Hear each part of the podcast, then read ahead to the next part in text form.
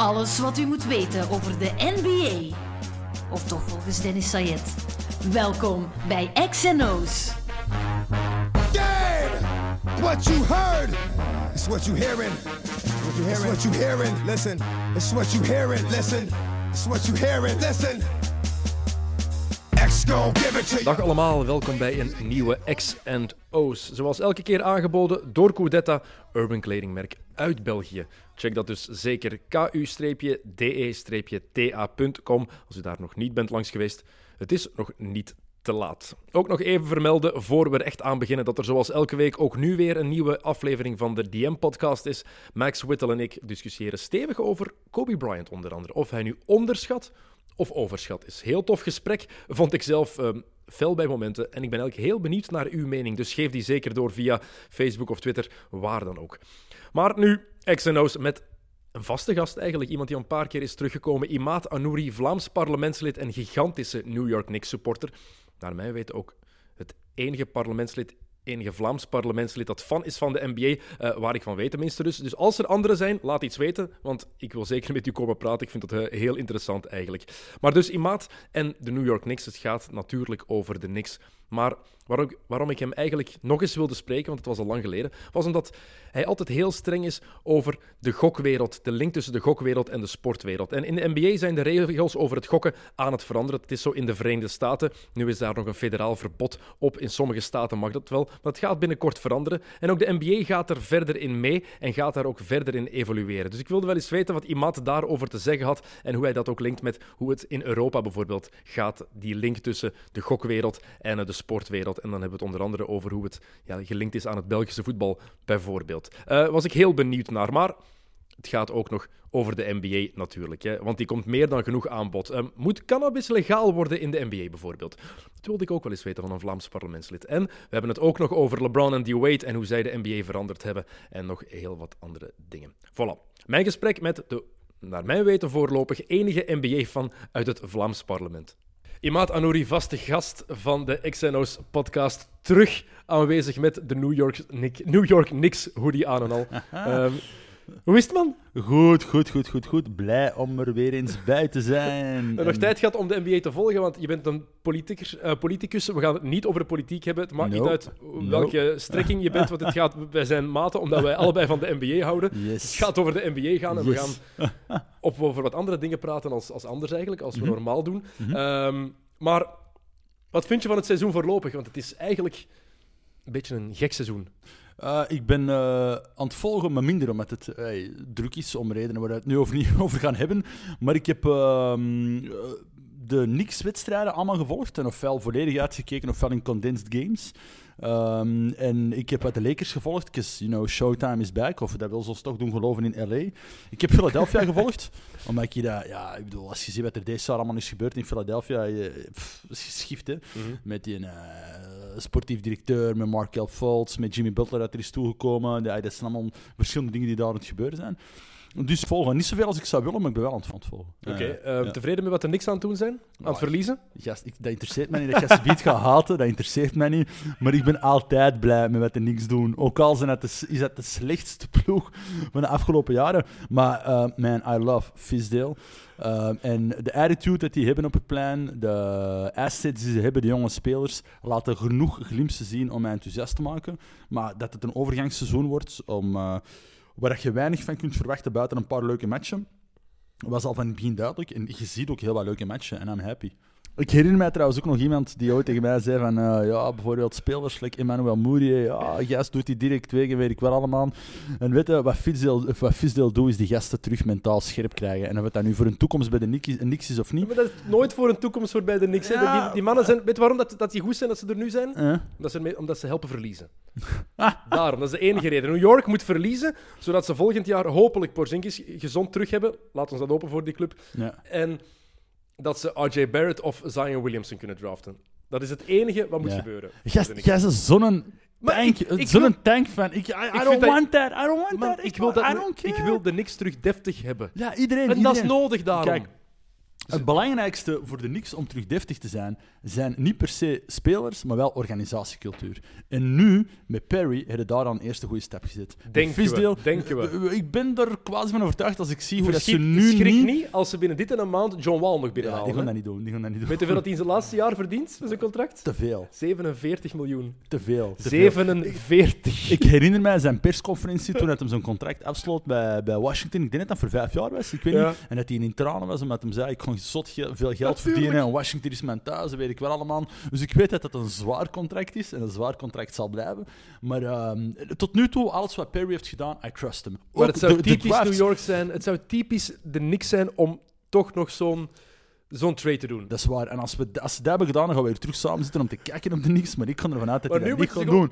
Dat hij dat niet gaat doen. Ik ga er echt gewoon- Fisdale, Fisdale is er een goede, goede mentaliteit in ontslepen. Die gasten, die play with heart. En ik respecteer dat, want dat zijn allemaal gasten die, die, die, die genoeg eh, op hun dak hebben gekregen, hè, op heel wat manieren. Hè. En die blijven... Ik bedoel, wat die hebben gedaan tegen... was tegen het was niet tegen de Celtics, het was tegen de Hornets. Eh 126, 124 winnen. Eh, wanneer dat je, maar terwijl dat je eigenlijk die match 23, 24 punten hebt achtergestaan. Ja, voor een ploeg dat iedereen ziet als one of the losers. Hè, maar toch die hard hebben en terugkomen op zo'n Ja, match. Dat is dom, hè? Dom. Dat- is dus dom van Oh, de it, man. You're such a... Ja, maar dat is dom van nee, maar dat is- There is no process. There's only attitude. There's Nee, attitude. En daar bouwden mee. Er is no Daar process, geloof mij. Elke Knicks-supporter zou maar al te graag nu wisselen met Philadelphia. Allee, Philadelphia heeft er ook... Eh, Iedereen zou nu wis- willen wisselen. Trust the van die process. jaren... Trust the process. De process is nu aan het lukken. Philadelphia heeft nu de laatste weken een omslag gemaakt. Niet alleen maar omwille van Joel. Embiid. Die hebben Embiid en Simmons. Ja, maar dat ging niet alleen lukken met Embiid en Simmons. Hun derde, hun derde, hun derde gouden ei in de korf was Markel Fultz. vorig jaar Ja. hebben ze Fultz nodig gehad en hebben ze een supergoed seizoen gehad na nieuwjaar. Ja, Is het waar of niet? Ja, ja, ja, dat Mede dankzij Ilyasova en Bellinelli, maar dat was met Simmons en met Embiid als de twee grote namen. En met andere woorden, zet die twee in New York hè, en de Big Apple wordt zot. Al zijn ze maar vierde in het oosten, daar zou het, Hey, daar zou het voor leven. Nee, nu gaan we zot worden voor Kevin Knox en Tim Hardaway Jr. Nee, en nee, Enes. Kanter, die trouwens Nee, echt zijn oh, heerlijke comeback van Devin Booker tegen Enes Kanter. Ja, inderdaad. Eh, Ja, ja, ja. Maar de Knicks moeten gewoon verliezen. Wat zijn ze nu?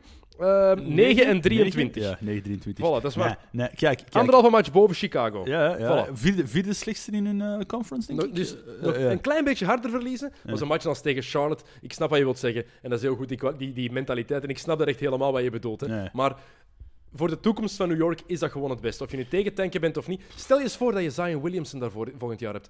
In New York, in de Big Apple. Maar, allee, Man, dit- hoe fantastisch wij, zou wij- dat zijn? Wij, wij hebben het er de vorige keer over gehad. Ik weet dat nog heel Maar goed. hoe dat fantastisch continu, zou dat zijn? I don't believe in tanking. Wie, Maar- hoe kan ik een ploeg respecteren, spelers respecteren, die opzettelijk verliezen om al dan niet het het jaar, daarna erna- een goede jonge speler gaan trekken? Omdat je die dat jaar gewoon-. Respecteer jij Philadelphia nu of niet? Ik respecteer Philadelphia Aha. omwille van de ploeg die ze nu zijn. Voilà. En, en niet omwille van de enige wat proces. Maar nee, nee, ik bedoel...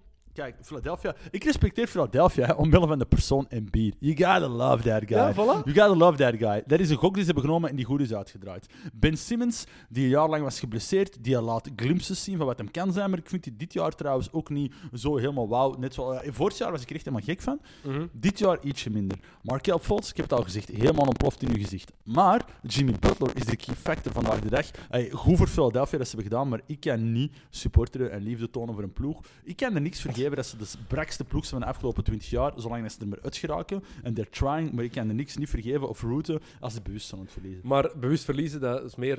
Waarom zou Ik ik, om één uur had- waarom zou ik om één uur s'nachts Maar achter je moet NBA League Pass zitten? Niet doen dit jaar. Maar Niet kijken naar de niks. Gewoon Oh, niet doen. man. Laat het gewoon links liggen. Ah, het is goed ja. zo. Uw hart is van steen. Nee, want- echt Want de, cynicus. want de Knicks hebben een plaatsje in mijn hart. net. Dat was mijn vader zijn ploeg. I know, I know, I Dus daarom is dat- I know, Ik wil dat die goed zijn. Ja, ja. Ik ben van kleins af aan de Chicago Bulls fan geweest. Nu, met werk is dat helemaal weggegaan. Dat is gewoon zo, dat verandert heel... Dat is heel opvallend. Jij bent maar wel een Golden State guy, toch? nee, totaal. Ik ben, Nee? ik ben een fan van mooi basketbal. Ja. Ik was... Het mooiste basketbal dat ik ooit gezien heb, is San Antonio in 2014. Ik wil ploegen die mooi basketbal spelen. Ja. Waarom hou ik van Luka Doncic? Omdat ik, ik die heel graag zie basketten. Dat hij een mooie stijl heeft. En vooral, dat is een ploeg mooi laat basketten. Denk jij dat er iets van aan is van uh, DeAndre Jordan, die, eh, die, eh, met die rebound en zo, en toen al die rumors... Is dat zo? Tuurlijk. Denk jij echt dat hij niet goed ligt in de kleedkamer en terwijl jaloezie is? Ja, maar er is altijd jaloezie voor een goede rookie. Ja? En nu zal dat wat meer aanvaard worden, omdat iedereen weet van, oké, het is de leider van de ploeg. Het is gewoon zo, hij is de Mm. beste. Maar in het begin, als jij als er een journalist is die al 15 jaar of 12 jaar in zijn vak is en die denkt dat hem heel goed is, en dan komt ineens een, een gastje van school en die domineert alles en is duidelijk de beste. Geloof mij, er zijn heel veel andere journalisten die dan jaloers zijn, denk ik. Ja, ik denk dat dat in elke, elk beroep wel zo is. Dus. Wat denk, wat En dat zijn gewoon stats, hè. Jordan wil ook gewoon zijn stats wat ja, ze rebounds, opkrikken, rebounds. Voilà, ook al is dat belachelijk. Wat denk jij dat Dennis Smith Jr. nu denkt? Vorig jaar de held, nu al over Maar de held, ik denk dat hij heel Ja. blij is. Zijn positief. De prospect. De prospect. prospect. De gast die het ging doen. Ah, New York, stupid. Jullie hadden die moeten draften. Ja, maar dat is ook zo. Dat is ook zo. Ehm, ook al ben ik een pro Frank. Nilikina. Volgens mij, ik ken die niet persoonlijk uiteraard, maar volgens mij is dat een van een gast. Dat je ziet hoe dat hij communiceert. Die ziet er ook altijd zo, I don't know, cute uit of zo. Of zo. Oh ja, klein jongen in de grote basketwereld. Die gast kan balen, die gast kan verdedigen, die gast heeft vista. Geweldige verdediger. Die, die gast heeft vista ook. Maar ik heb het gevoel dat die gast nooit durft. Dat hij nooit durft. Er, komt, die, die, er, er, er moet een klik gemaakt worden. Ik heb dat vorig jaar ook gezegd. Die durft gewoon niet. Die heeft nu twee matchen gehad. één keer 16, één keer 18 punten. En dan denk ik, ah ja, oké, we zijn vertrokken. Maar dan valt dat daarna weer weg. En dan, als ik dat niet live zie, s ochtends het eerste wat je doet, stats. 20 minuten gespeeld, drie punten gescoord, één assist. Maar offensive, af- aanvallend is het echt een work in progress. Ja. Eh, wel nieuws over de Knicks trouwens. James Dolan heeft een interview gegeven. Ehm, heeft daarin gezegd dat eh, hij de Knicks niet, niet van plan is om de Knicks te verkopen, maar dat hij het ook niet uitsluit dat het ooit gebeurt. Ja, bon, moet je niet op wachten. idee, voor het, idee voor het prijskaartje. Hoeveel moet je voor de Knicks betalen? Well, it's the mecca of basketball. It's the world's, world's biggest arena. Het is, denk ik, als ik me niet vergis, een van de top sportmerken ter wereld. Hij heeft een minimumbedrag gezegd. Minimumbedrag. Zoveel. Oké, wacht. Eh, ik kan even nadenken, want jij bent eigenlijk nu aan mij aan het vragen om niks te kopen. Hè? ik, denk, ik, denk ik denk dat wij vijf... I don't know. Ik kan overdrijven. Vijf... Nee, dat, is, dat kan niet. Ik wou zeggen vijf miljard, maar dat is echt geschift. Dat gaat geen miljard Het is vijf. Is het echt? 5 miljard, 5 miljard dollar. Serieus? Ja. Ja. Minimumprijs. Ja, 5 miljard dollar. Daarvoor zouden wij het misschien ooit overwegen. Oké. Gaan wij spitten even Voilà. onze bank, bank-app openen en eh oh, kunnen wij lening afgaan voor 37.000 jaar. 5, 5 miljard. 5 miljard. Het jammer, het, het jammer is natuurlijk... Oh, het jammer, ik weet niet, misschien is dat ook gewoon sign of the times. Ja, dat gaat in handen komen van, eh, van, een, eh, van, een, van een groep, van een consortium, van, van I don't know, de Golden. State, de Golden State misschien. En dat kan iets goed zijn. Ah, zolang het maar mensen zijn met liefde voor het spellen. Ja, dat is I waar. Dat is know, waar. I don't know. En verstand. verstand En vooral niet de familie spel. Ja. Vooral dat. Maar ik ben ook niet gerustgesteld dat hij zegt dat hij dat ooit gaat verkopen. Nee, want hij heeft ook gezegd, onze, onze familie is te graag eigenaar van sportploegen. Ja. Dus het gaat niet meteen ge- gebeuren. Eh, we gingen over iets anders praten dan, dan over de niks alleen vandaag. Ja, eh, vooral. Eh, Orange and blue! We gingen het hebben over het gokken Yes. in de NBA en in de sportwereld. Want de regels in de VS zijn helemaal anders. Er is een, is een federale wet die gokken verbiedt. In sommige staten mag dat. In ehm, Delaware, Nevada, New Jersey en Mississippi mag je wedden op sport. In andere staten mag dat niet, is het verboden. Dat gaat veranderen in de komende jaren. Ehm, de federale wet is daar nog altijd tegen. Eh, maar binnenkort, de NBA gaat daar meer en meer mee werken. Ook daar waren ze tegen. Adam Silver ziet daar nu een goudmijn in, maar niet alleen financieel. Want eh, ze hebben een deal gesloten met MGM, bijvoorbeeld. Ehm, het eh, hotel en casino in Vegas. Ehm, MGM mag de logo's gebruiken van de ploegen. Dus dat het niet enkel gewoon de namen zijn, echt de logo's gebruiken, highlights gebruiken, krijgen toegang tot de officiële feed van de NV, eh, datafeed van de NBA. Dus kunnen ze met die data, dat gaat vooral interessant zijn als er in-game betting komt, eh, waarin dat mensen in de zaal echt kunnen wedden op die gaat nu dat punt scoren, weet ik veel, kan je zo ver in gaan. Ehm, 25 miljoen dollar voor drie jaar, dus financieel heeft de NBA daar eigenlijk niks aan. Peanuts, zeker als je net zei. 5 miljard is de waarde van de niks, 25 miljoen is dat niks. Maar ze zien dat ook als positief voor de sport, want meer inkomen en nog extra interesse. Want je kan zeggen wat je wil van het wedden. En ik weet dat jij een tegenstander bent. Eh, we gaan er v- op die reclame gaan we het zo straks ve- verder over hebben. Eerst over het wedden zelf even. Ehm, het is wel iets wat ervoor zorgt dat bij de, de mensen die niet echt into de sport op zich zijn, maar wel daar een, een extra catch bij willen, bijvoorbeeld, die dat wel interessant kunnen beginnen vinden. Ehm, als je naar een NBA-match kijkt en er hangen bepaalde dingen van af, dan weet je dat je extra volk lokt. Of je voor of tegen het gokken bent, die redenering klopt wel. Puur commercieel.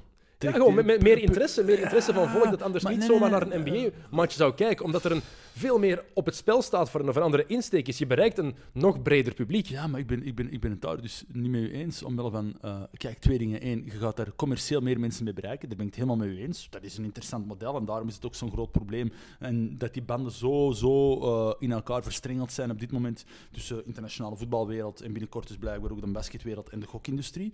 Maar ey, Wat is, de- wat is er interessant aan, aan, aan, aan sport waar jij en ik zo hard van houden, dat er mensen naar gaan beginnen kijken, niet omwille van het feit dat ze houden van de sport, niet omwille van het feit dat ze houden van die lay-up, die fast break, die een dunk, die spelsituatie, die, die een blockshot, maar wel omdat ze geld hebben ingezet aan nummer 14, waar ze niks van kennen, op dat moment misschien een driepunter gaan maken of wat dan ook. Dat gaat niet over liefde van het spel, dat gaat over de thrill of the gamble. En dat vind ik eigenlijk niet een meerwaarde voor, voor de sport als basket. Dat doet zelfs basketbal voor een stuk oneer aan, vind ik. Maar het is in alle sporten zo. Hè. Kijk naar Bill Simmons.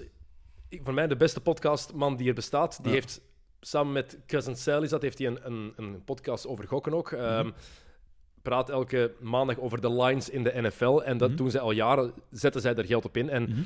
dat gaat puur over plus-minus. Over die staat op plus drie over, eh, ga je erover of niet? Ehm, en daar zetten ze geld op in. En je hebt er nog genoeg extra dingen die je daarmee kan doen. Maar dat, dat gokken gebeurt al jaren in, Ja. in de States. Hè. Het is enkel gewoon in Vegas of in New Jersey, dus Ja, ja. Atlantic City of in, in Las Vegas, waar het gebeurt. Nu gaat het gewoon nog meer uitgebreid, ge- meer gelegaliseerd worden in de andere staten. Ehm, maar als je het wou doen, kon je kon natuurlijk doen, al gaan doen. Hè. Hey, don't get me wrong, Dennis. Ik bedoel, als je als volwassen man wilt gokken of vrouw en je wilt een gokje placeren, be my guest, I don't mind. Net zoals ik er absoluut geen probleem heb dat iemand een safje wilt opzetten. Net zoals ik er geen probleem mee heb dat iemand een eh, alcohol wilt gaan consumeren of een J. ay, Al die dingen, dat maakt Mhm. mij op zich allemaal niet uit. Het gaat er wel over dat op dit moment er een onderregulering is en een oversubsidiëring of een overpromotie van dat gokken. Het is ook niet iets dat niet schadelijk is. Net zoals alcohol, sigaretten ook schadelijk zijn en we er ons van bewust zijn en er duidelijke reglementering over is, is dat op dit moment over gokken niet. En dan heb ik het vooral over bij ons. hè.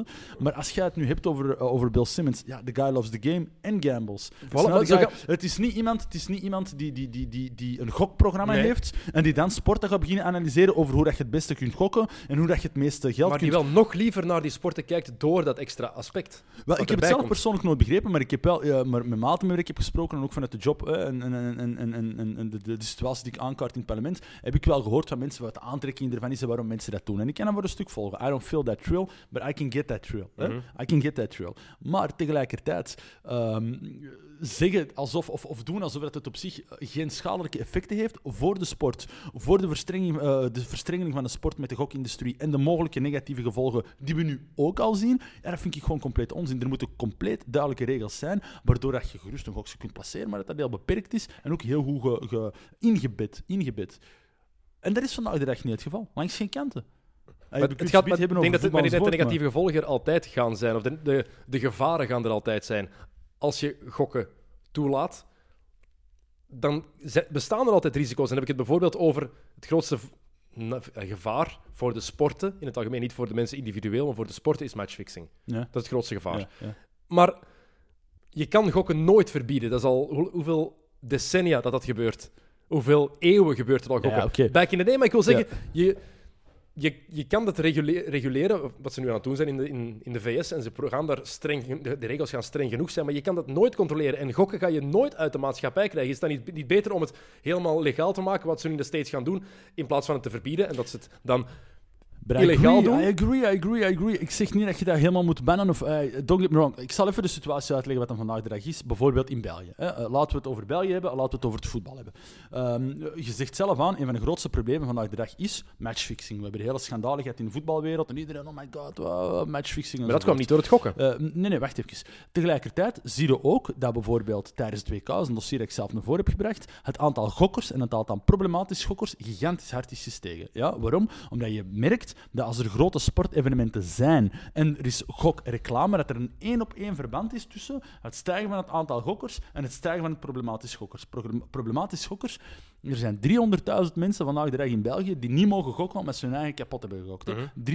300.000, hè. it's not peanuts en dat is aan het stijgen. Wat is dan het probleem als je die analyse maakt? Ja, oké, ik moet mensen wat meer beschermen, dit en dat. Zet eens een tv-match op, een voetbalmatch om 8 uur s'avonds, en zet die gewoon op. Onlangs nog gedaan, ik weet niet, eh, Club Brugge heeft gespeeld tegen AS Monaco. Ik heb dat geturfd.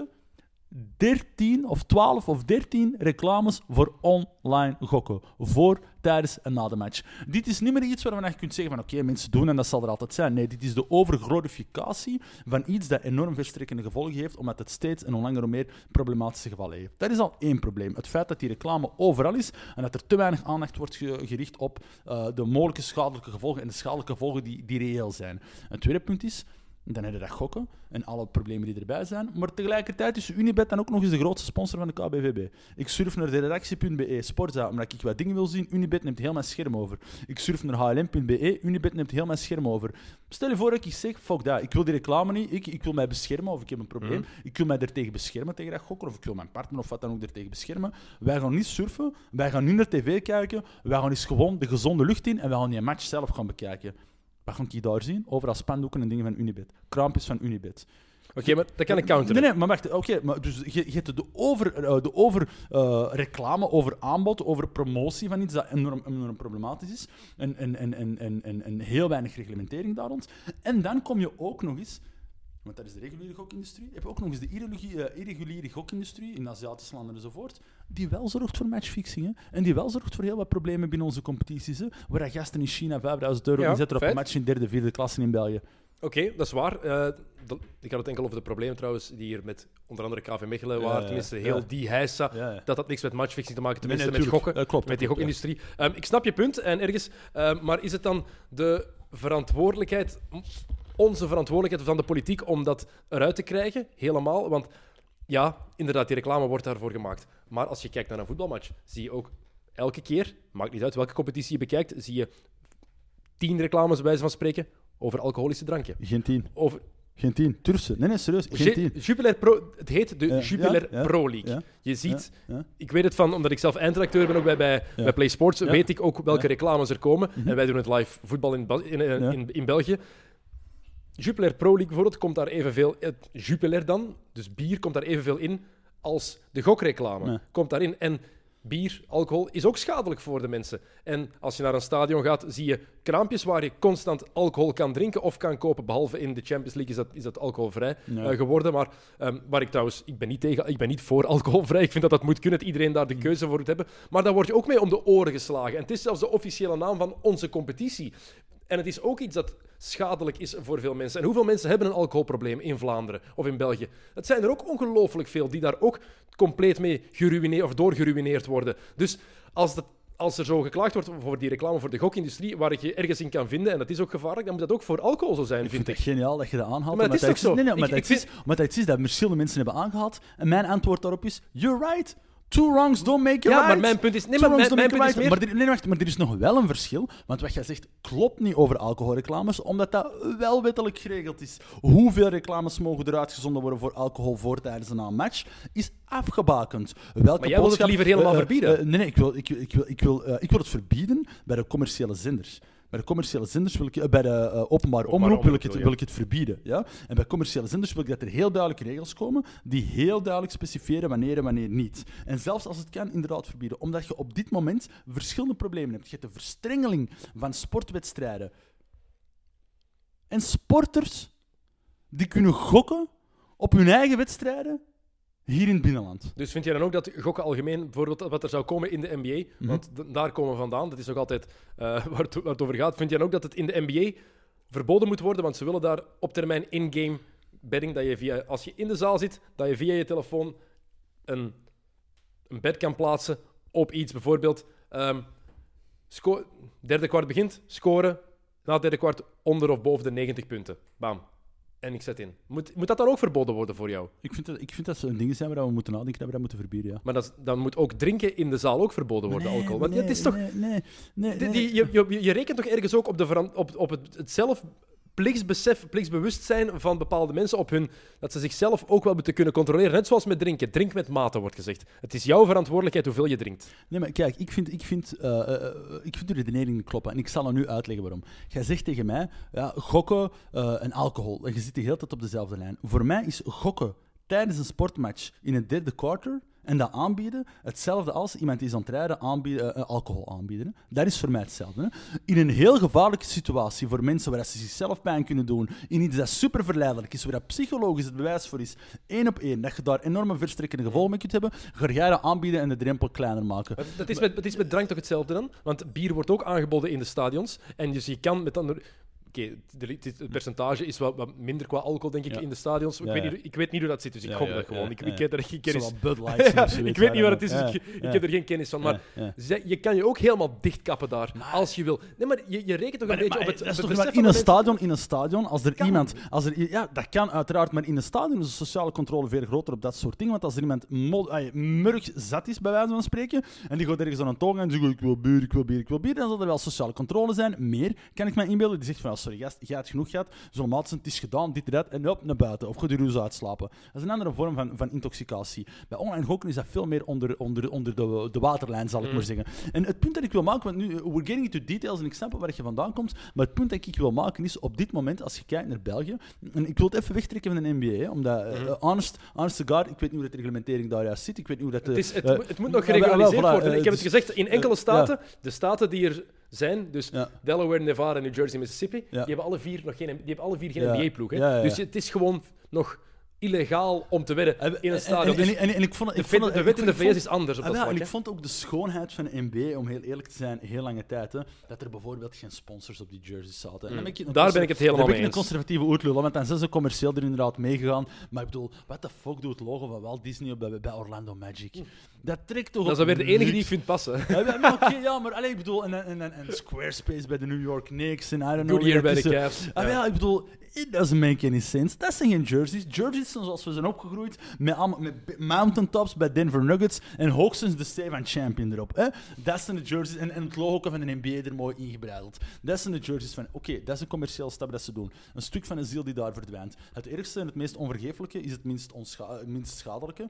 Nou worden die tenuukjes met lange mouwen. Maar dan komt nu, en dan komt nu heel dat ding van die gokindustrie en de dingen die ze daar willen openzetten. Als ik kijk naar Europa, Dennis, vandaag de dag, en ik kijk naar de Unibet, die, als ik op citytrip, jij bent juist naar Parijs geweest, hè? Ik, ik ook, een paar weken geleden, met mijn vriendin. Je komt ertoe, je wandelt er op straat en je ziet in de metro, in de metro overal reclame voor Unibet. En spelers van PSG erbij. Ja, gokken is graaf. Neem het risico, durf dat te doen. Hier, je kijkt naar een match, 12 gokreclames. Je gaat naar een andere plek, Unibet, dit en dat. Je hebt gokkantoren overal hier. Dat lijkt het nieuwe normaal, maar dat is het niet. Dat is het niet. En voor mij mag jij gokken. Voor mij mag jij gokken op een matchje. Mag jij gokje placeren dat jij dat wilt. Maar doe dat met mate en reguleer het. En zorg ervoor dat het op een normale manier wordt aangeboden. En niet dat je ermee om de oren wordt geslagen, dat die reclame Dus het is meer, het is meer tegen de reclame voor het gokken dat je bent dan, voor het, dan tegen Nee, het nee, gokken ook zelf. tegen, ja, oké, nee, maar nee, nee, ook tegen, ook, maar ik, ik wil gokken niet verbieden, voor alle duidelijkheid. Hè, Mhm. Maar ik wil de reclame er wel op de openbare omroep voor verbieden. Ik wil de reclame serieus aan banden leggen. Dat er duidelijke regels zijn van hoeveel maximum dat er mogen zijn. En welke boodschappen die erbij gegeven moeten worden. En hulplijnen die moeten aangegeven worden als er problemen zijn. Dat moet mee in de boodschap zitten. En drie, in het straatbeeld moet dat ook verdwijnen. Hè, dat je overal om de zoveel gokreclame, gokbureaus er overal. Ik, Iedereen- da- daar heb ik het dus een beetje moeilijk mee. Want Ja. als, ik dat dan, als ik dat dan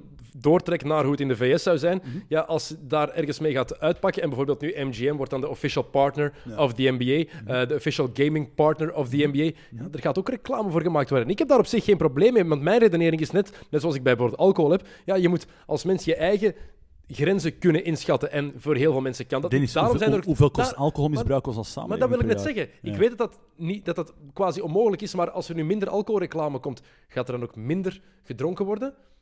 Ik twijfel daar eerlijk gezegd een beetje maar even- aan. even- ik, ik, ik, snap waar, Ja. ik snap waar je vandaan komt. Ik snap heel goed waar je vandaan komt en, en wat je daar ook mee wil zeggen. Maar ik probeer die link te vinden tussen hoe wij het hier in België daar aanpakken, hoe het gokken hier is. En hier is het gewoon legaal. Je mag hier zoveel gokken als je wil eigenlijk. Maar, maar, ja, maar, En als je het vergelijkt met de States, dat het dan legaal gaat Ja. worden. Ik vraag me af hoe ze dat ook daar helemaal gaan aanpakken. En ja, het kan voor excessen zorgen, maar ik denk dat het onmogelijk is om dat compleet, wil- compleet plat te leggen. Ja, oké, ik wil er twee dingen over zeggen, maar misschien... eh, Het eerste is, is wel een vraagje. Hoeveel kost alcoholverslaving als maatschappij? Serieuze ik vraag, ik weet- serieuze vraag. Per jaar in Vlaanderen. in Vlaanderen. Iemand, ik weet goed genoeg wat Ja. voor effecten dat kan hebben. Ja, ja. Eh, dus I know, I know, I know. ik, maar- ik, weet- maar- ik, ik, ik kan, er, ik kan er onmogelijk... Ik kan er voor de kijkers onmogelijk... De kijkers, de Ja, luisteraars. de luisteraars, sorry. sorry. Ah, Ik er- damn, ik heb mijn hoodie aan. Mensen dat kunnen zien. Ja, ja. Ik, heb daar onmo ik kan daar onmogelijk een cijfer op Op twee jaar tijd, Geen enkel idee van. Op twee jaar tijd kunnen wij met die kosten, jij en ik, de niks kopen. Ja. Op twee jaar tijd. Ja. Dat is 2 à 3 miljard euro per jaar danskosten. Maar- Dat is, dat is, en jij weet dat inderdaad. Dat zijn gigantische gevolgen. Maar het is da daarom dat ik het aanhaal, heel die vergelijking. Want ik drink zelf graag een pint. Ja. Ik, ik ben zelf ook al wel genoeg dronken geweest in mijn leven. Ik ga dat totaal niet. En ik hou ook van op restaurant gaan en een ja, fles wijn drinken. Ik doe dat ook allemaal. Maar ik weet wat voor een problemen dat heeft bezorgd in heel veel families. In, in mijn familie heb je daar ook Mhm. ervaring mee. Ik weet wat voor effect dat kan hebben. Maar toch wordt het aanvaard dat het de Jupiler Pro League is. Ja. En ik zie daar nooit klachten over eigenlijk. Nooit. Nooit meer. Er zijn, er, er, zijn- er zijn in het begin wat vragen over gesteld. Oké, maar nooit zo luid Nee, als bijvoorbeeld als, Nee, als ik. tuurlijk, want jij bent niet de enige die, die daarover klaagt over het gokken. En jij bent, ook niet de enige, jij bent ook niet de enige partij. Ik denk dat bijna elke politieke partij wel iemand heeft die, daar, die jouw mening deelt. Er, dus er is Voilà, veel dus steun voor. het, is, heel Maar duidelijk algemeen zo die maar- mening. Maar, ik zal het even zeggen, waarom klaag ik het aan? Omdat er wetenschappelijk onderzoek is die aantoont dat er op het moment dat er een reclameblok wordt uitgezonden voor online gokken, mensen meer aan het gokken gaan slaan. Ook problematische gokkers. Tegelijkertijd zijn er wetenschappelijke cijfers die aangeven dat de afgelopen jaren het aantal mensen met een gokverslaving eh, in een stijgende lijn zit. Dus wat ze aan doen als overheid op dat moment, bijvoorbeeld als het gaat over de openbare omroep, dan zijn ze enerzijds het probleem aan het faciliteren, de ruimte ontgeven, want je zei dat de reclame aan het zetten en je weet dat er een één-op-één band is. En tegelijkertijd moeten als diezelfde overheid ook gaan investeren in preventie en in hulpverlening, want je hebt ook welzijn. Dat marcheert zo niet. Je weet, als de reclame is voor alcohol, dan gaan dat geen reclames zijn die zeggen: Oh yeah, drink Jupiler zoveel als je wilt. En ga er helemaal. Oh, Ja, dat is waar. Durfde jij, durfde jij alcohol? Oh, come on, ga er gewoon voor. Neem het, doe het, dit, dat. Nee, dat zijn andere soorten reglementeringen die duidelijk aangeven welke reclames dat er moeten zijn, welke boodschap dat ze moeten uitstralen en wat erbij moet komen. Diezelfde reglementering, als je die al zou hebben voor het gokken, dan zou er een stap vooruit zetten. En dat is Oké. vandaag de dag niet het geval. De openbare omroep moet wat mij betreft er geen reclame voor maken, want dat is een overheidsinstelling. Waar je dus, net zoals ik zeg, als overheid verantwoordelijkheid voor hebt. Daar moeten dat niet voor doen en ook niet op die website. Gewoon gedaan, omwille van de problemen die ik net heb aangehaald. Commerciële zenders moeten veel duidelijkere regels voorkomen. In het straatbeeld, met alle respect, met alle respect, waarom, waarom heb ik hier in de buurt vier, vijf gokkantoren? Waar mensen hun miserie zijn aan het, aan het vergokken en zo en zo. Eén, mij maakt het niet uit dat je daar iets kunt doen of wat dan ook. Maar niet op die manier en niet zonder aanbod dat je die op elke straatshoek hebt. En ik kan nog iets anders tackelen, los daarvan. Hè. Waarom moeten wij als overheid subsidiëren voor de Nationale Loterij? Dat is ook nog iets. I don't mind. Come at me, bro. Ik wil die debatten echt, echt voeren, omdat mijn analyse is op dit moment, dit heeft enorm vergaande problematische gevolgen op mensen, op als samenleving. Dit is een hypocriete houding. Dit is een overge, overgepromote, ondergereguleerde sector.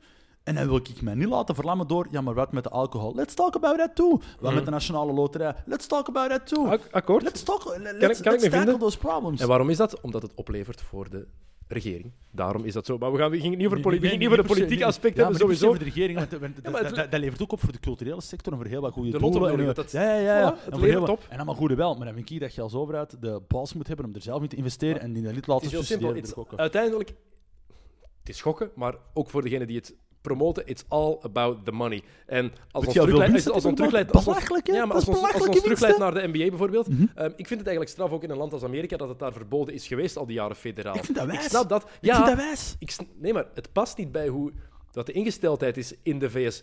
Iedereen heeft de vrijheid om te doen wat hij wil en de overheid moet zich zo weinig mogelijk moeien. Ja, ja, dat is, de, government, dat is de ingesteldheid bij heel veel Amerikanen. Als we dat vergelijken, dat is gigantisch. En toch is dat daar zo gereguleerd. En ik ben nu... Ik vraag me af wat er gaat gebeuren als ze dat los gaan laten. Hoe dat gaat zijn ook met die reclame in die aparte staten. Want er is een reden geweest dat ze dat verboden hebben. Ja. En tegelijkertijd is de vraag die je ook moet stellen, als je het verbiedt, zoals het eh, in, in, in, in, heel wat staten is, ja, hoe groot is die illegale markt dan? Hoe groot is die booking? eh, die bookies en Boekmakers zijn ja, er altijd. Ah, wel, het is ermee. Over verbieden gesproken. ehm, moet cannabis verboden blijven in de NBA? Want als we kijken hoeveel staten hebben het nu al gelegaliseerd. Eh 20 ploegen van de 30 NBA-ploegen hebben het al intern gelegaliseerd. Dus daar binnen mag het. Eigenlijk eigenlijk is de NBA dan de VS. En zijn de 30 ploegen de aparte staten. Dus in 20 van de, van de 30 ploegen is het al toegestaan. Maar in het algemeen is het natuurlijk nog altijd verboden. Als je drie keer betrapt wordt, word je nog altijd gestraft. Want ja, je, wordt, je moet drie keer betrapt worden en je wordt maar vier keer gecontroleerd op een jaar. Dat is, dat is, dat is, dat is echt, dat is echt een joke. Dat is niet normaal. Je wordt vier keer gecontroleerd en enkel je urine, want bloed, dat mag nog niet voor de privacy. Dat had nog beter kunnen zijn. Dan zou ik kunnen zeggen, je moet vier keer betrapt worden per jaar Ja. en maar drie keer controleren. Dat helemaal duidelijk geweest. Nee, maar, ehm, want je hebt over gevaar voor verslavingen en Ja. alle dingen die geestelijk verrijkend zijn, zijn gevaarlijk voor verslavingen. Maar volgens de cijfers gebruiken vijf, gebruikt 85, niet gebruiken, maar gebruikt 85% van de NBA-players cannabis. En dan vooral spelers die ja, tegen de pijn, want in de NFL is het nog meer. Is het percentage denk ik 90% dat dat gebruikt. En dat tegen de pijn, dat werkt. En ze willen geen chemische brol pakken, ze willen geen pijnstillers pakken, want Nee. dat is even verslavend, of misschien net nog verslavender als cannabis. Die mannen we spreken uit ervaring, die, die pijnstillers die ze pakten. Eh Ja, Al Harrington is... Ja, ja. het gaat daarover. Het gaat over pijnstillersmedicatie. ja. Pijnstillers, ontstekingsremmers, die dingen. Eh, want cannabis wordt daar vooral gebruikt als pijnstillend Ja, middel. Hè. Je kan Ja. het ook gebruiken als... Want Al Harrington bijvoorbeeld, ex-Indiana Pacers, ex-New York Knicks-speler, mislukte knieoperatie, verslaafd geraakt aan Vicodin, denk ik. Ja. Eh, nog een knieoperatie mislukt en is hij zelf uiteindelijk cannabis beginnen kweken. Heeft hij, dat, heeft hij cannabisolie ontdekt, wat trouwens niet de verslavende, hè, waar niet alle stoffen in THC zit Mm. daar bijvoorbeeld niet in, in Mm-hmm. die cannabisolie. Maar dat heeft ervoor gezorgd dat hij nu met zijn kinderen kan buitenspelen. Mm. Dat hij nu zonder pijn kan rondlopen. En hij rookt ook af en toe gewoon jointjes. Maar hij zegt van, dat is de, zo kan ik erdoor geraken.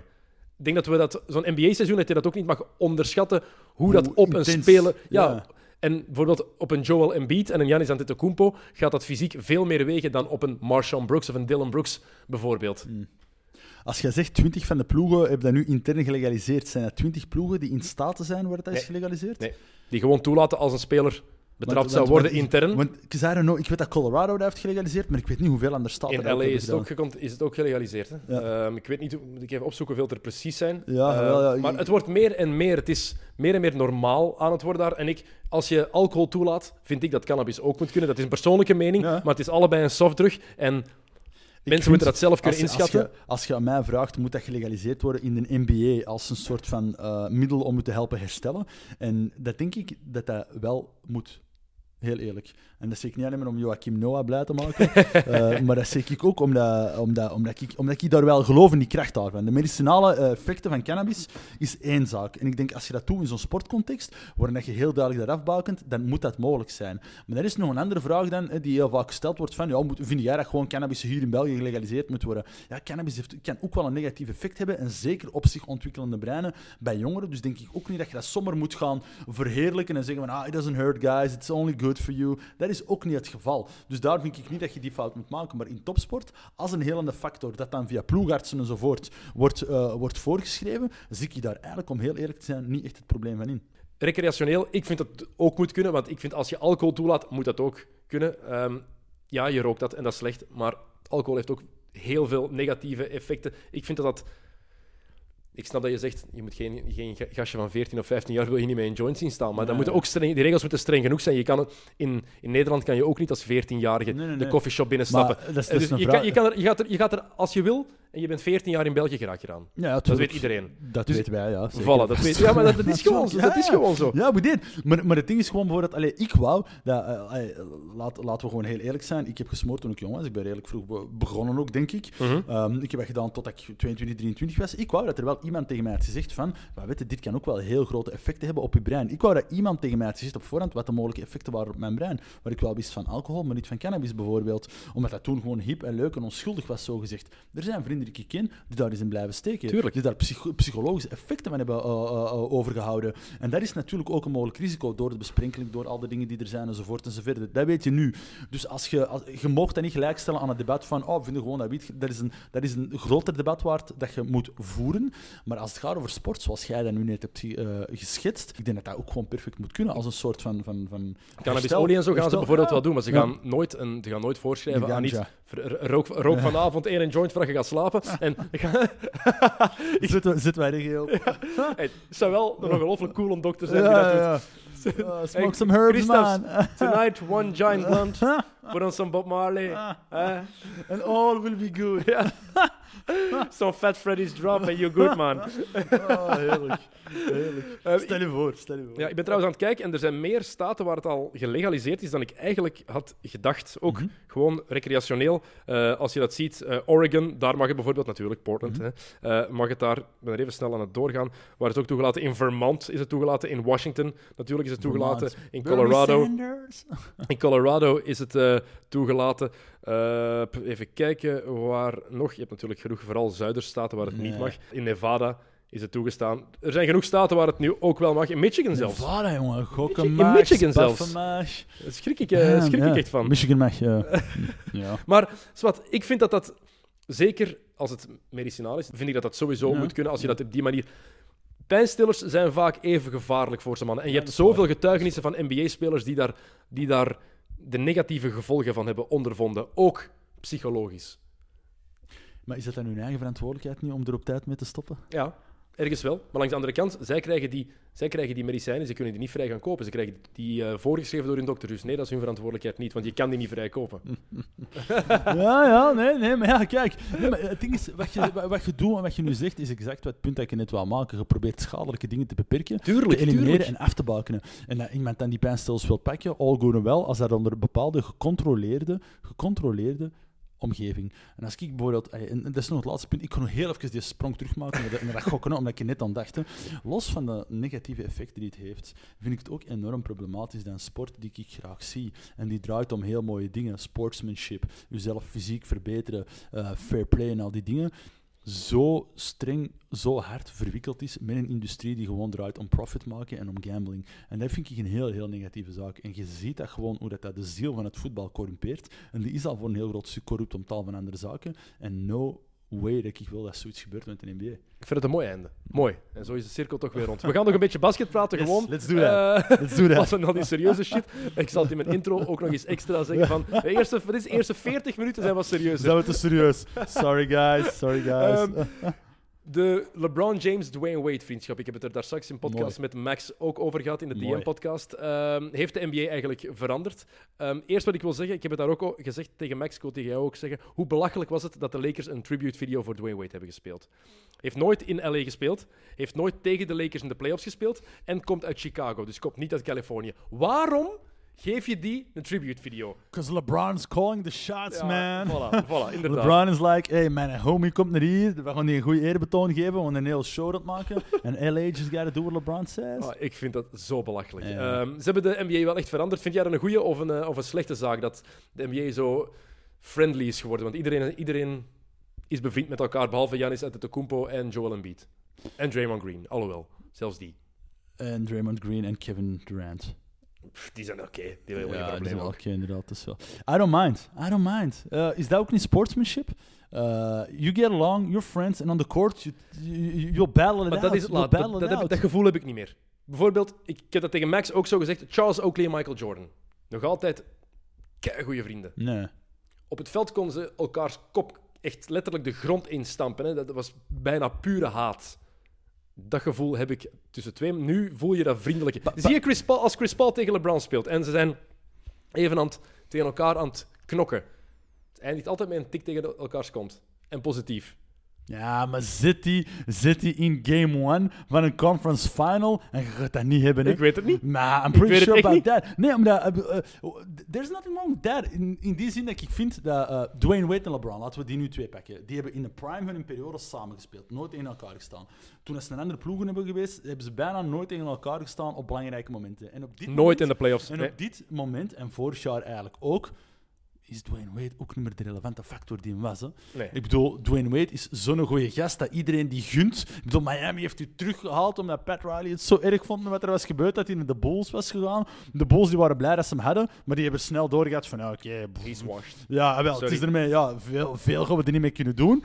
Ehm, en, en, en, en, dus is dat nooit echt een bedreiging geweest en is die competitie er nooit meer geweest, omdat dat niet twee spelers waren in hun prime, die are battling for their first ring. En ik denk dat je, als je vrienden hebt die daarvoor vechten, ik bedoel, Oakley en Jordan, ja, ik bedoel, dat was een rivalry, hè. dat waren friends en rivalry. Ja, ik weet het, maar en, dan nog. En, en, er, en er zijn nu nog altijd wel rivalries als je kijkt naar de NBA, maar het is wel inderdaad misschien op een andere manier. En als het nu gaat over die twee gasten, of meerdere spelers, Chris Paul, eh, eh, Carmelo Anthony enzovoort. Eén, als je, dat, als je dat niet plezant vindt, heb ik goed nieuws, want dat is duidelijk op zijn einde aan het lopen, die generatie. Dat is duidelijk op zijn einde aan het lopen. Twee, dat heeft mij nooit, nooit, nooit echt gestoord, omdat ik nooit het gevoel heb gehad dat de competitie erdoor minder scherp of minder spannend is geworden. Ja, ik vind het toch wel spijtig soms dat te veel. Heb jij ooit matchen gezien dat jij dacht, oh, kom on, gasten.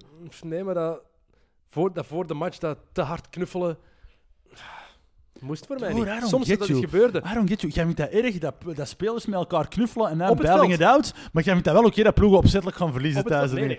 Ik zit nooit oké dat ze opzettelijk, opzettelijk gaan verliezen. Ik vind dat ze niks moeten verliezen, omdat Ah. ze beter moeten worden. Ah. Ik vind die moet op het veld altijd de best doen. Hè. Als ik visdeel ben gewoon, ik zie, oh, mijn ploeg komt één punt voor. Eh, die goeie eraf, eraf. En kom, die, die prutser van de bank van achter, Ron, hij is nu weg, maar Ron Baker. Oh, jij moet dat wel erg, hè? Je hebt getweet. Ja, You're missing Ron hilarisch toch? Burgundy. Ron Baker op het veld, alleen maar drie punters met je linkerhand pakken. Voilà. En je verliest de match. Ik hoop officieel dat jij nooit de coach van de Knicks geworden, gast. Ja, nee, maar je coach je ploeg had hij dan al. eh, dat is na de We're play- playing for the playoffs. Ja, voilà, Nee, nee. Voilà. Nee, ik vind, ik vind dat nog wel iets moois hebben. En, en, en those guys, they wrote history zijn, together. maar ja. ik, vind, ik vond dat net heel tof. Oké, want Barkley en Jordan waren dat ook. Er was een vuistje voor de match en je zegt dat die Ja, vrienden ja, waren. ja, ja. Maar toch was er echt van, ik wil je zo hard, zo Ja. pakken. En ik heb dat gevoel niet altijd meer dat dat is. We zijn altijd, dat, is vooral. Achteraf, I'm so happy for him. Ja. Altijd. Ja. I'm so, dat, was, dat was niet het geval toen. En niet iedereen, bijvoorbeeld Giannis Antetokounmpo, zou nooit zeggen, maar ik ben blij voor hem dat hij gewonnen heeft. Die zeggen, I lost, it sucks. En dat vind ik een goede mentaliteit. Trouwens, die, een- die een dag ook... Er gaat nooit iemand zeggen trouwens, gewoon dat, hè. Eh, tijdens een gewone regular game, hè, kan je dat begrijpen dan LeBron dat zegt over een Dwayne Wade of whatever. Maar no way dat hij dat ooit op game one... Stel je voor, stel je voor Dwayne Wade staat... Ik zeg niet meer iets. Dwayne Wade staat bij de Golden State Warriors. Vorige match, eh, vorig seizoen, waar LeBron nog bij Cleveland zat. En J.R. Smith heeft net zijn 5 seconds of fame gehad, waaruit hem compleet de andere kant loopt. En LeBron verliest die match. En Dwayne Wade zit bij Golden State. Denk jij dat? eh, jij LeBron gaat zeggen dan achteraf? I'm so glad he won. I'm happy for him. Yeah, we lost, but I'm happy for him. Nee, maar als, als Wade de titel zou winnen en LeBron niet, dan zou hij wel zeggen, I'm happy for my friend. Maar niet als het eerste, hè. Die zou er zot van zijn. Ja, En einde- ja, en, en Maar- ergens vind ik dat wel schoon. Ehm, er werd ook gezegd daarin, it was either here or in the garden. Hoeveel keer heb je met je kop op tafel geslagen? Zoals zoveel Knicks-fans. Ja, ja. ja. What if, what could have been, what should have been, I don't know. Ik wil er niet over nadenken. Net zoals, net zoals heel wat andere dingen. I just want to look at the future, man. ik bedoel, ik probeer niet depressief te raken. Eh, en, en ja, oké. Ik bedoel, want om heel eerlijk te zijn, als ik kijk naar LeBron deze seizoen, gast, we gotta talk about how ridiculous that guy is. Hè. Eh, Al die zijn- oh, de laatste weken. Ja. Sorry, de eerste, drie, eerste twee, drie weken had hem geen goesting. Hè? Ja, oké. Ja, goesting, ja, hè? ja, ja, maar, maar de cijfers die hem nu op dit moment is aan, het- aan, aan het laten opnemen. Ja, maar ik bedoel, Dat blijft waanzinnig. Hè? Dat bedoel- Dwayne Wade zwaait af. Carmelo Anthony is nergens niet meer. Ja. Ehm, wie had er nog van die generatie? Chris Paul? Mm, Houston, I don't know. Werd hij juist allemaal zo aan het zoeken of aan het uitproberen of wat dan ook. Maar tegelijkertijd zie je dan een LeBron zot Ja. blijft spelen. Nog altijd aan de top of his game is. Cijfers op laat tekenen die geschift zijn. Eh, vorige week, denk ik, eerste keer sinds jaren 80 dat twee spelers van de LA Lakers al bij double-double Ja. hebben. Of wat was daar? Triple-double. eh, triple-double. Hij en motherfucking Lonzo Ball. Maar Lonzo is ook gewoon Eh, is heel getalenteerd. Maar dat, dat, dat is de reden Dus LeBron waarom is- LeBron voor mij op één na beste speler ooit is. Hè. Ja, 16e jaar, ja. blijft die cijfers laten optekenen. Oké, is jonger dan de rest, want LeBron is uit high school gekomen. Ja. Drie jaar in college gezeten. Bosch, één, of één jaar of twee jaar denk ik in college gezeten. Mello, een jaar in college. Oké, dat is maar een jaartje verschil. Maar toch, er is daar een klein... Het klein is niet dat Mello of Wade drie jaar geleden, Nee, toen voilà, die- dat, dat is op ik niveau aan dat ik net zeggen. ja, ja. Het, hoe- de manier waarop LeBron zijn lichaam intact Nee. heeft gehouden, Mm. houdt, is Mm. waanzinnig. En dat hij Mm. dat elke keer die cijfers blijft, blijft laten optekenen, dat maakt hem voor mij... Ik, ik, is was, ik, was onderweg naar hier als ik aan het denken. eh, we hebben het de vorige keer gehad over eh GOAT, who's the GOAT. En, en jij zei op een bepaald moment tegen mij, they're in different lanes. En ik vond het eigenlijk wel een heel interessant. Je kunt niet Jordan met LeBron ver- Op vergelijken. zich, als speler eigenlijk niet. Eh, wel, dus, dus je kunt die discussie niet hebben, maar ik heb wel zoiets van of dat je nu vindt of dat LeBron de beste is of helemaal niet, of dat Jordan is of wat dan ook. Every basketball lover moet gewoon oneindig veel respect hebben voor hoe dat LeBron op dit moment in zijn carrière nog eens aan het presteren. En het ding is vooral, want ik ben de gro- eh, een van de grootste roepers het erop aankomt van ik vind Jordan de GOAT en ik zal het altijd blijven hebben. Ehm, ik, vind, eh, ik kan genoeg argumenten aanhalen, daar gaat het nu niet om, ik wil het ook niet doen. Ik kan die twee wel vergelijken en dan met argumenten mijn mening zeggen waarom ik dat vind. Je moet het er niet mee eens zijn, maar hoe ik, waarom ik dat- die mening heb. Hm? Ehm, maar we moeten gewoon genieten van die greatness die je Maar nu ja, te zien krijgt. En dat ja. is het ding waarom ik ook... Waarom ik, ik ben zelf ook kritisch voor LeBron. Mhm.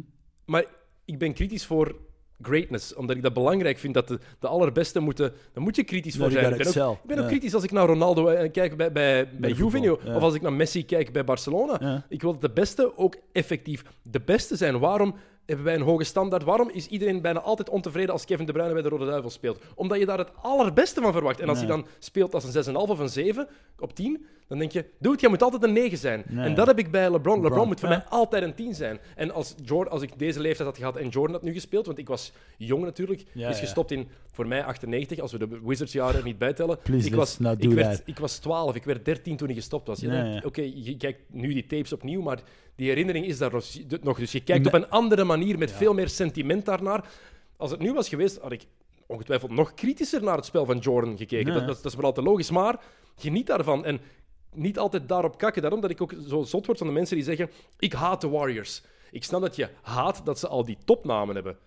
Kan ik inkomen. Nee. Maar als je die ziet spelen, kan je toch niet zeggen: Ik haat hoe die spelen. Want ze spelen gewoon Mooi. prachtig basketbal. En dat is gewoon een van de beste ploegen aller tijden. Net zoals back in the day, de Miami Heat met hun Big Three. Oh, ik haat het LeBron, Wade en Bosch. Geniet daarvan, want die speelden super tof basket. En dat was een keitof ensemble. Ik herinner mij vorig jaar tijdens de playoffs dat, ik, eh, dat we aan het WhatsApp waren, midden van de nacht. eh, Golden State was aan het spelen. Dat ik ook op een bepaald moment tegen u zei: Ah, deze is gewoon echt niet meer plezant. What the fuck, die spelen alles kapot. En jij werd echt kwaad. En I was like: Oké, the guy has a point, but chill. Maar toen dacht ik: Oké, dat is wel waar. You're, you're witnessing history. Natuurlijk, And iedereen you're, and, and you're witnessing something great. Ja. En dat, dat, dat is wel, dat, dat, is, dat is wel echt, echt een punt. En tegelijkertijd, want dat is, dat is een inzicht dat jij mij hebt gegeven toen op dat moment. Maar tegelijkertijd ehm, wilde dat de competitie. ehm, bijvoorbeeld, nu heeft iedereen het gevoel van Golden State speelt terug de finale. Die zijn eigenlijk niet echt wauw aan het spelen nu op dit moment in de competitie. Ook niet slecht, ook niet wauw. Maar iedereen heeft wel zoiets van, ja oké, niemand gaat die echt, echt kunnen tegenhouden om naar de finale Maar dat is toch altijd zo? Ik vind het heel straf dat iedereen daar zo verbaasd over is. Want kijken naar de dynasties. In de jaren 80 werden elk jaar vanaf Boston, LA. Boston LA werd elk jaar verwacht. En Philadelphia in, tot en met 83 was Philadelphia daar ook bij. En vanaf 87 kwam Detroit daarbij. Dat waren de drie ploegen. Maar iedereen verwachtte in het Westen altijd de Lakers. Altijd. Het is één keer niet gelukt toen de Houston Rockets in 86 ze eruit gooiden en in 81. Voor de rest was het bijna altijd LA in de finals. Je wist dat op voorhand. Was het daarom minder aantrekkelijk om naar te kijken? Nee, iedereen, totaal iedereen, niet. Iedereen spreekt daar zo met romantiek en nostalgie Dat was over. krak hetzelfde daarom. En de Bulls, de Dynasty met Jordan. In 92, 93 winnen ze hun derde titel. Dat jaar winnen ze maar 57 matchen. Maar 57 in het ja, reguliere se- ja. seizoen. Oké, maar was ook coasten en iedereen wist ook van ja, maar het zijn de Bulls, dus we verwachten die wel in de finals. Ja. Toen, op hun toppunt in de tweede Dynasty was het, een tweede repeat was het een beetje minder. Shaq en de Lakers met Kobe. Eerste finals in 2000. In 2003 hebben ze het niet gehad. Iedereen was in shock, want die waren ook weer goed in het reguliere seizoen ja. eigenlijk. En zo, en zo kan ik voort blijven gaan. Dat is niks nieuws. Dat is Wie- wie, altijd was zo dat toen? geweest. Wie was dat toen? Drie? Spurs, Tim Duncan MVP. juist. Maar het is, het is altijd zo geweest. En ja, nu, ik ben een beetje teleurgesteld in de tegenstand voorlopig in het Westen. En Denver staat nu op één bijvoorbeeld. Ehm Die doet mij is trouwens een beetje denken aan Detroit van de is jaren, toch- eind jaren is toch 80 toch en 90, hè, onervaren? waar Bad Boys heeft nog geen playoff ervaring, dus ik Ja, zie dat die is ook nooit voorbij Golden Dat is State raken. Maar Dat is een rare coach ook trouwens. ja, die is zo. Die is zo. Dat is zo weird ass. Ja. Maar je kan zo genoeg voorbeelden aanhalen uit de geschiedenis waarin dat altijd zo is geweest. En ja, nu de grootste tegenstand voor mij zou uit het oosten komen, want je weet ook niet één, gaat er iemand geblesseerd Toronto uitvallen? of Boston? Geen idee. Of Philadelphia? Toch nog? Of Milwaukee? En Milwaukee is wel echt niet slecht bezig. Nee, maar ik, was er, ik heb er vorige week met een vriend van mij over gehad en die werd helemaal gek dat ik zei dat Milwaukee zelfs kans maakte.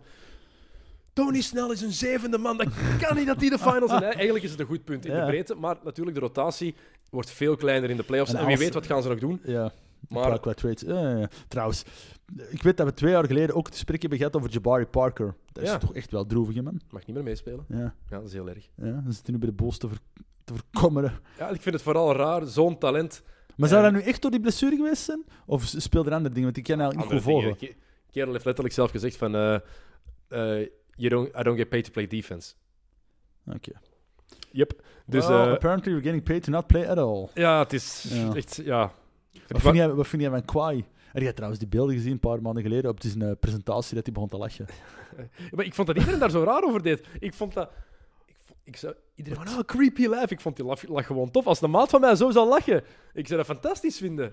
Dude, dat was niet creepy, dat was gewoon weird as fuck. What the hell was dat? Die zijn gezicht vertrok. En ik was zo'n... eh, eh, eh, eh. Echt. Dan laat die jongen zich eindelijk eens gaan. en dan wordt hij direct afge, afgeslacht. Eindelijk laat hij zich eens gaan. Oh, dat was echt geniaal. Maar he's delivering, hè. Als, is- als, als, als mensen zich afvroegen of dat hem in die periode dat hem niet was aan het spelen bij de Spurs iets of wat van zijn skills is verloren, En hij is nog altijd geen 100%. Nee, nee, nee. nee, Vooral nee. dat. Who's talking about, uh, what's his name daar, die nu bij San Antonio zit? De Mar DeRozan. Die trouwens ook wel heel goede zotte dingen is aan het doen bij, bij San Antonio. Ik heb er al wat highlights van Maar de gezien. Spurs spelen, dat is het ding, Spurs zijn saai. mooi. Nu zijn ze dus Ja, voor het eerst echt saai. Wat iedereen vroeger altijd zei. Nu is het echt midrange. En Nee. de ploeg... Het is jammer dat Murray is uitgevallen. Ik, DeJounte Murray, kijk daar zo naar uit. Nee. Eh, nog een vraag voor jou. Zijn, Yes. we, zijn de mensen, is de mens ooit naar de maan geweest? If I was Steph Curry. Hij heeft gezegd dat hij dat om te lachen was. hè? Ja, ja, ja, ja. Like Flat Earther Kyrie Irving zeggen. Trouwens, wat de hel. Misschien is er wel een één op één verband tussen al die cannabis en hoe dat die gasten naar de wereld kijken. Maar eh, Ik denk dat Stephen Curry een van de enigen is die Ja, nog nooit, een joint heeft aangeraakt. hij. LeBron James, ja, die twee. Le. LeBlow James. Nee. Eh, maar maar ehm, ja, pff, raar. Maar waar was dat? Was dat Denver? Dat ze die eh maanlanding ergens uitgezonden? Was dat, Ehm, Sacramento. Was dat ja, Sacramento. Sacramento. Helden, jongen. Motherfucking helden. En Curry kon er zelf keihard mee lachen. Tuurlijk, Oké, maar dat is goed. Ja, dat, is vind mooi. ik Dat, geniaal. Dat vind ik geniaal, zo van die dingen. maar Steph Curry. dat hij zoiets zegt. en eh, ja, ik heb het er met Max ik denk ook over gehad. Dat ik, ik zei van ja, maar ja, we weten allemaal. Er zijn beelden in een studio gemaakt om hè, de montage deftig Mhm. te maken. Dat is zo, want Mhm. een vlag kan niet wapperen Mhm. in de ruimte. Heel simpel. Ja, dus die beelden, dat, dat weten we. Maar dat je dat allemaal in twijfel moet trekken, ik vind dat zo vreemd. hè. En Shaquille O'Neal gaat er dan nog over, springt op die kar. Want iedereen praat trouwens alleen maar over dat Curry dat gezegd heeft. Vince Carter en Ken Bazemore en Andre Iguodala zeiden met drie ook dat ze niet geloven. Maar er is gewoon een hele... Ik bedoel, man... these things are as old as the street, hè, van die conspiracy theories. We zijn nooit op de maan geland. Eh, Maar het is gevaarlijk als zo'n groep- zo'n high-profile na- na- mens dat begint te doen, hè? 9-11 is opgezet spel. Eh Tupac leeft nog altijd ergens op een eiland. Met Dennis. Elvis, met Elvis. Elvis, dat weet ik wel allemaal. Eh, Roswell en alles wat daar is gebeurd. En dat, dat is de mens vooral duidelijkheid van die complottheorieën. Maar inderdaad, zoals gezegd, ik ben vooral blij dat, dat als een Steph Curry zoiets zegt, of een flat earther zoals Kyrie Irving iets over de, over de platte aarde, ja, die worden gewoon uitgelachen. Hè. It doesn't matter hoe hoog je status en hoe goed je kunt basketten. When you're talking shit, Ja, wel- people are gonna... dat is waar, maar er zijn veel jongeren Ja. die daar anders naartoe kijken. Ja, maar je mag, je mag alles in twijfel trekken. Ja, ik, ben tuurlijk, daar- tuurlijk. ben voorstander van alles in twijfel trekken. Maar Ja. ah ja, je kan binnenkort kan je alles framing noemen. Hè? Nee. Je kan over alles binnenkort zeggen van ja, dat is, dat is gemonteerd en dat is, dat is geplakt. En dat is. En dan, en dan, dan verliest alles van waarde. Ik denk dat dat trouwens een hele grote uitdaging is voor de journalistiek. Mhm. Zeker met de technologieën die nu mee komen, met deepfakes, maar evengoed met Adobe, denk ik, die een soort van eh, eh, app hebben ontwikkeld, die als ze 20 minuten je stem horen, ze met je stem ook gewoon elke, elke zin kunnen vormen die, die, die, die je maar kunt inbeelden. Dus dat, dat is op zich een interessante discussie qua technologische uitdagingen, maar ook risico's. Maar als het daarover gaat, over wat Steph Curry heeft gezegd, ja, één... ehm, de NBA blinkt wel uit in excentriekelingen als het gaat over zo'n dingen. Eh, En it's always been a part of that. En twee, als we ons echt, echt zorgen maken, heb ik gelezen dat Vladimir Poetin heeft gezegd dat hij ook naar de maan wil gaan met Rusland om te controleren wat die Amerikanen er wel Oh echt man, zijn dat zou ik geweest. Fantastisch. Dat, Maar- zou, ja. dat zou nu eens echt fantastisch zijn. Echt. En zou Poetin dan zelf gaan? ja, let's hope. Dat zou echt fantastisch zijn. Let's hope. nee, nee, maar ah, ik bedoel, zo van die dingen is... ah, dat is dus mensen om bepaalde vraagstukken die je hebt op bepaalde vraagtekens waar jij vindt dat je geen bevredigend antwoord op hebt, zelf in te vullen. En dan krijg je zo'n dingen. Hè. Misschien kan Poetin Prokhorov meenemen. Hm. Daar hebben we net eh, een, beter, eh, een beter uitzicht op de toekomst misschien. Oh, ah, ik, heb, ik heb trouwens die beelden nog eens gezien van what's his name, die die blessure heeft gehad met zijn... eh, Caris LeVert. Hoeveel chance heeft die gehad? Jij tweet... Oh, echt, beelden, ik had dat niet moeten zien. Ja. Ik denk dan niet bij mijn eigen, oh, ik moet die beelden zien. dus ik zet die dan op. Maar die gast heeft dus niks gebroken, als Nee, ik mij niet vergis. Hoe is dat in godsnaam Geen- mogelijk? Geen enkel idee. Elastic Man. En het ding is ook, wie stond er weer op het terrein? Derrick Rose. Ja. Die, heeft, die stond op het terrein bij dat van, bij dat van LeVert.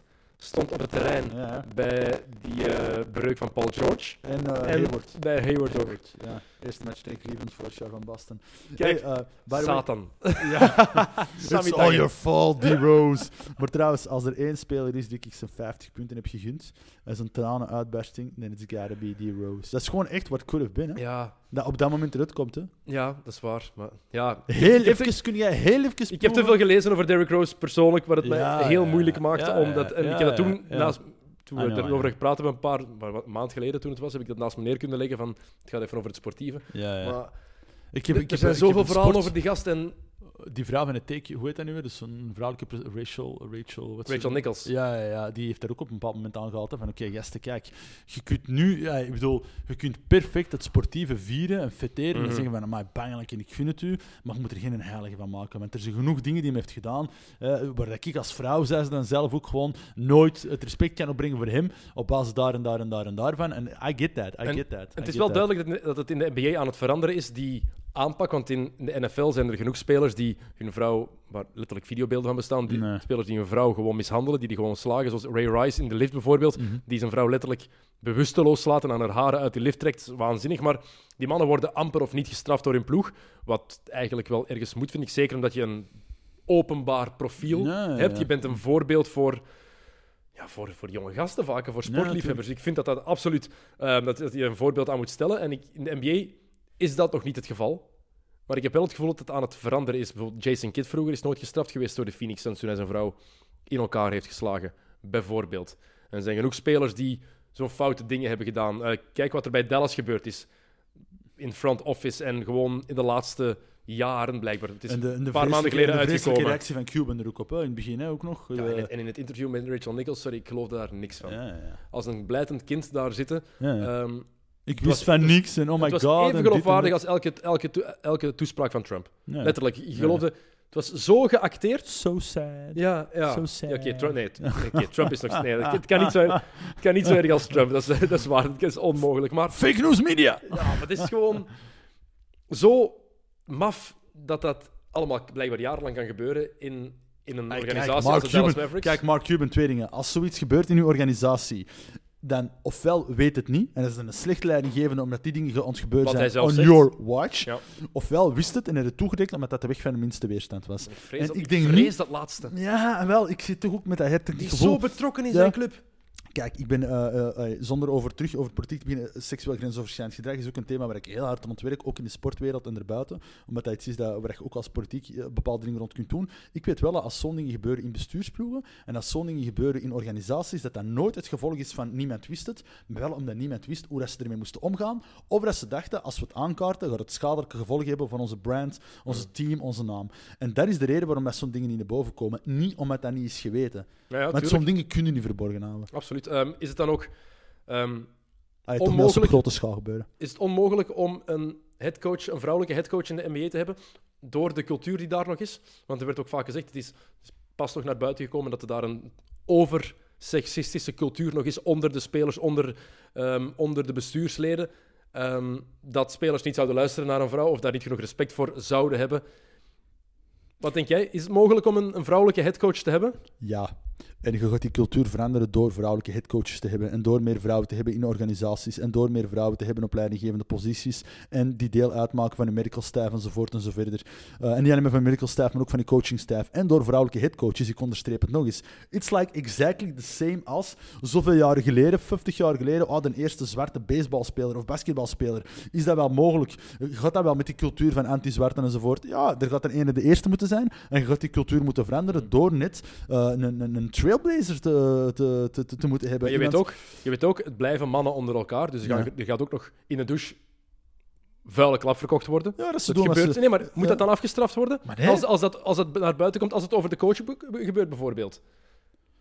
Is- Moet je dan extra streng daarop zijn dan als je nu iets negatiefs over je, je mannelijke coach zegt? Want dat is nog een stapje verder. Al. Nee, nee, nee. Kijk, ik bedoel, nee, nee, nee, nee. Don't, don't, don't look at it like that. Het enige wat je moet doen is, als je een vrouwelijke coach hebt, dan is zij degene die de sportieve shots callt. Je luistert naar haar, je execute de plays die zij zegt. She's got the sportive lead. Zij beslist welk spel dat ze spelen. Daar volgen sportieve resultaten uit. Als je daar problemen mee hebt, ja, weet je, trek je plan, ga ergens anders naartoe. Ik ben het daarmee eens, hè, voor de Nee, tuurlijk, duidelijkheid. tuurlijk. Maar, maar, maar als, het gaat, als het gaat over wat je verklapt onder de douche, wat dan ook, ik neem aan dat eh, als er een vrouwelijke coach is, dat die gasten dan gewoon, als zij erbij is, niet gaan, niet, niet, niet, niet gaan douchen totdat zij weg is. Neem ik aan. Ik denk, hoe, Ja, zou, het hoe zouden over- wij, gaat hoe over zouden wij er- reageren? over wat er gezegd wordt, Maar wat er- bijvoorbeeld. dat, dat, ze- dat ze zeggen wat ze willen. Ay, zolang dat ze maar respect hebben voor hun coach als die erbij zijn. Dat ze, eh, dat dat, ze- dat is het ding, zeker in de ja. States. Bijvoorbeeld Becky Hammon, van overtuigd, zou een fantastische coach zijn. Zoveel basketbal-IQ, weet zoveel. Sue Bird, nog iemand. Laat die coachen en Die kan Ja, maar meteen je succes gaat- halen. maar Dus het je, gaat, gaat, je gaat die cultuur, je gaat daar doorgaan en je gaat die cultuur veranderen in de NBA net door die modder heen te gaan en net door daarover te praten en net door over die ongemakkelijke momenten te hebben. maar ik denk dat het dan Zeg maar gewoon gaat dat daar- vertragen, dat het dat gaat Ja, tegenhouden. maar, maar waar is het alternatief? Wachten tot op het perfecte moment dat dit niet meer gaat gebeuren? Nee, je creëert het perfecte Tuurlijk, moment. Of dat de is wat normalisatie. aan het doen is, hè? Ah, wel, je, je creëert die normalisatie door het nu te doen. I mean, fuck that. Take your seat at the table. Maar tegelijkertijd, ik kan me niet inbeelden. Het grofste wat bijvoorbeeld eh, eh, zou kunnen gebeuren, een van de grofste dingen, is dat er iemand over een vrouwelijke coach zou zeggen: Ja, dat dumb bitch. Ja? Ja. Ik kan me ook niet inbeelden dat er iemand zou zeggen over zijn mannelijke coach: Dat dumb asshole. En dat het dan ook wel gedaan zou doen. En Ja, dat is waar, dat is ja, waar. En ik denk dat een coach, een mannelijke coach, zou zeggen: als iemand tegen hem zegt dat dumb asshole, oké, hij heeft die uitspraak gedaan voor zijn eigen rekening, he's gonna be fined en die gaat zoveel matchen niet spelen. En ik denk dat eerder welke logische vrouwelijke coach ook gaat zeggen: oké, hij heeft de uitspraak gedaan, he's gonna be fined Tuurlijk. en die gaat zo Heel, helemaal mee eens. Ik zei het meer dat ik denk dat de NBA daardoor voorzichtiger, ga- voorzichtiger gaat zijn. Dat ze schrik hebben voor eventuele reacties en de repercussies, de gevolgen daarvan. Zo bedoel ik dat meer. Ik- Ik zeg niet dat het zo zou zijn, hè, maar dat is hoe, hoe... Ik denk dat het dat gewoon gaat vertragen. Dat het dat nog meer tegenhoudt. Ik geloof niet. Ik Schrik voor ja. wat zou kunnen gebeuren. Het, is ook, het zou typisch Amerikaans zijn ook. Ja, Hè? ja. Te ver nadenken aan oei, en dat zouden de gevolgen kunnen zijn. Pop, Popovic bijvoorbeeld doet iets oh, totaal, die gaat gewoon. Denk, trekt Ja. zich er niks van aan. Zegt van, zij heeft kwaliteiten, dus ik, zet, dus ik gebruik haar. Ja. Dus zij is een assistentcoach, bam, mee naar voren Maar die haar naam is toch al een paar keer gevallen als het echt ging over head, coach, Ja, en coaching positions. hè? Er zijn er genoeg die het ook wel zouden, zouden proberen, maar waarom heeft ze nog geen kans gekregen dan?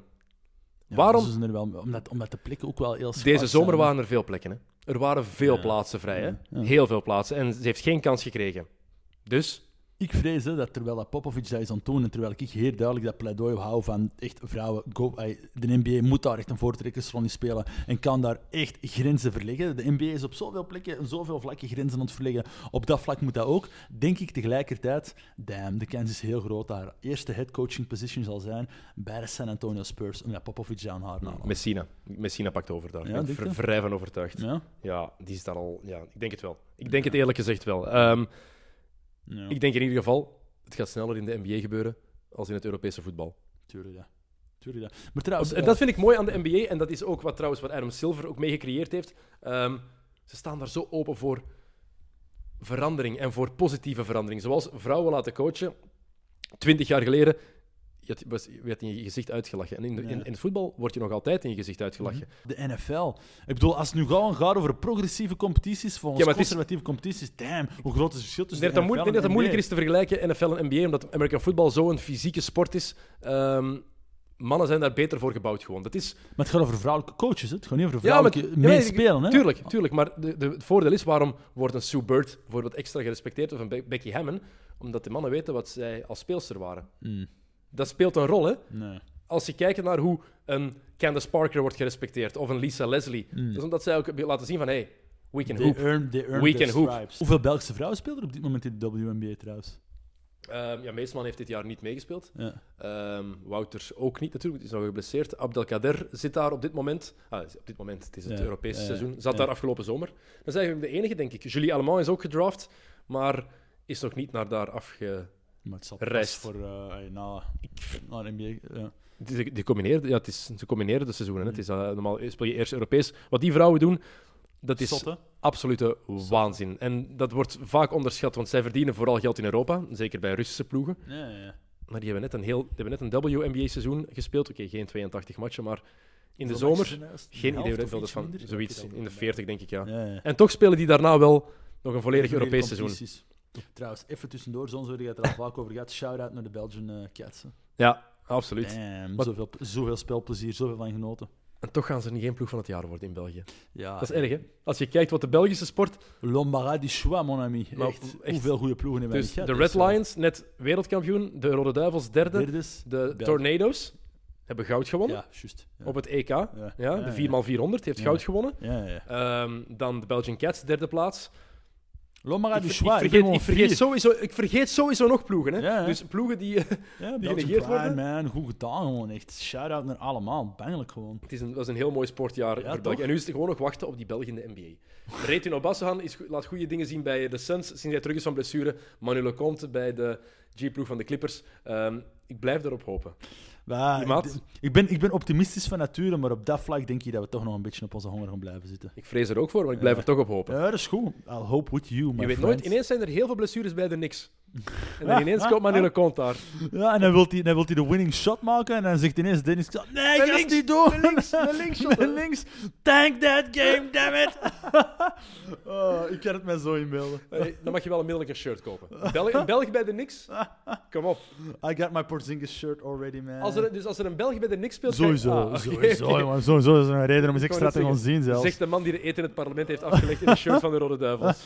Represent. Keur Popovic t-shirt eigenlijk al gedaan. Ja, hè? ik slaap er op dit moment in. Ik ben nu als thuiskomen en dat is op dit moment mijn slaap Maar naar het parlement heb je dat daar al gedragen. Nee, nee, nog niet, nog niet. Nee, nee, nee, nee, nee. Dat is voor ben thuisverkiezingen. hè. curieus of dat één iemand van andere parlementsleden één Niemand. van de twee namen kent. Er moet toch iemand zijn die nog de NBA volgt. Want Eh. volgens mij, ben, jij bent de enige politicër waarvan ik weet dat hij de echte NBA volgt en dat hij er fan van is. Ik, ik ken een paar journalisten dat dat volgen. Die, eh, ik denk een Bart Schols, zo en zo is een Ja, basketfan. Ivan- Ivan de Eh, Vader heeft ook Ivan, gebasketbald. de- Ivan de Vader is ook een basketfan, I know. Eh, Lieve Verstraeten heeft ook gespeeld. Ja, wel, ik wou het zeggen, Lieve Ja, ja. Straat, ja. Ehm, dat zijn de gasten van ik weet dat wel basketfans zijn. Oké, maar dat Ivan zijn ik journalisten. Zeker. Ja, wel, van, van in de politiek moet ik heel eerlijk zijn. Ik heb er af en toe wat opmerkingen over gekregen van partijgenoten, maar die there. Liesbeth Ik- Holmans heeft gebasketbald, dus ik veronderstel dat zij wel iets... ook bij de ja, dus ik- ik. misschien dat zij wel iets van, eh, van de NBA kent eigenlijk. Maar ik weet niet of zij gaan weten wie dat Care of Popovich is. Maar challenge Test accepted, dat my test man. dat. In 2019 ging ik naar een commissie gaan met die t-shirt aan, kostuumvestje erover, en ik kon zien wat er één iemand op En de eerste die een naam herkent, die moet op de podcast komen. Sowieso. Echt. Sowieso. Moet zo, sowieso de eerste. Sowieso. Ik hoop echt, ik hoop echt dat. Lisbeth Holmans hier herkent. Dat die Ja? van die twee namen... Het zou... Ja.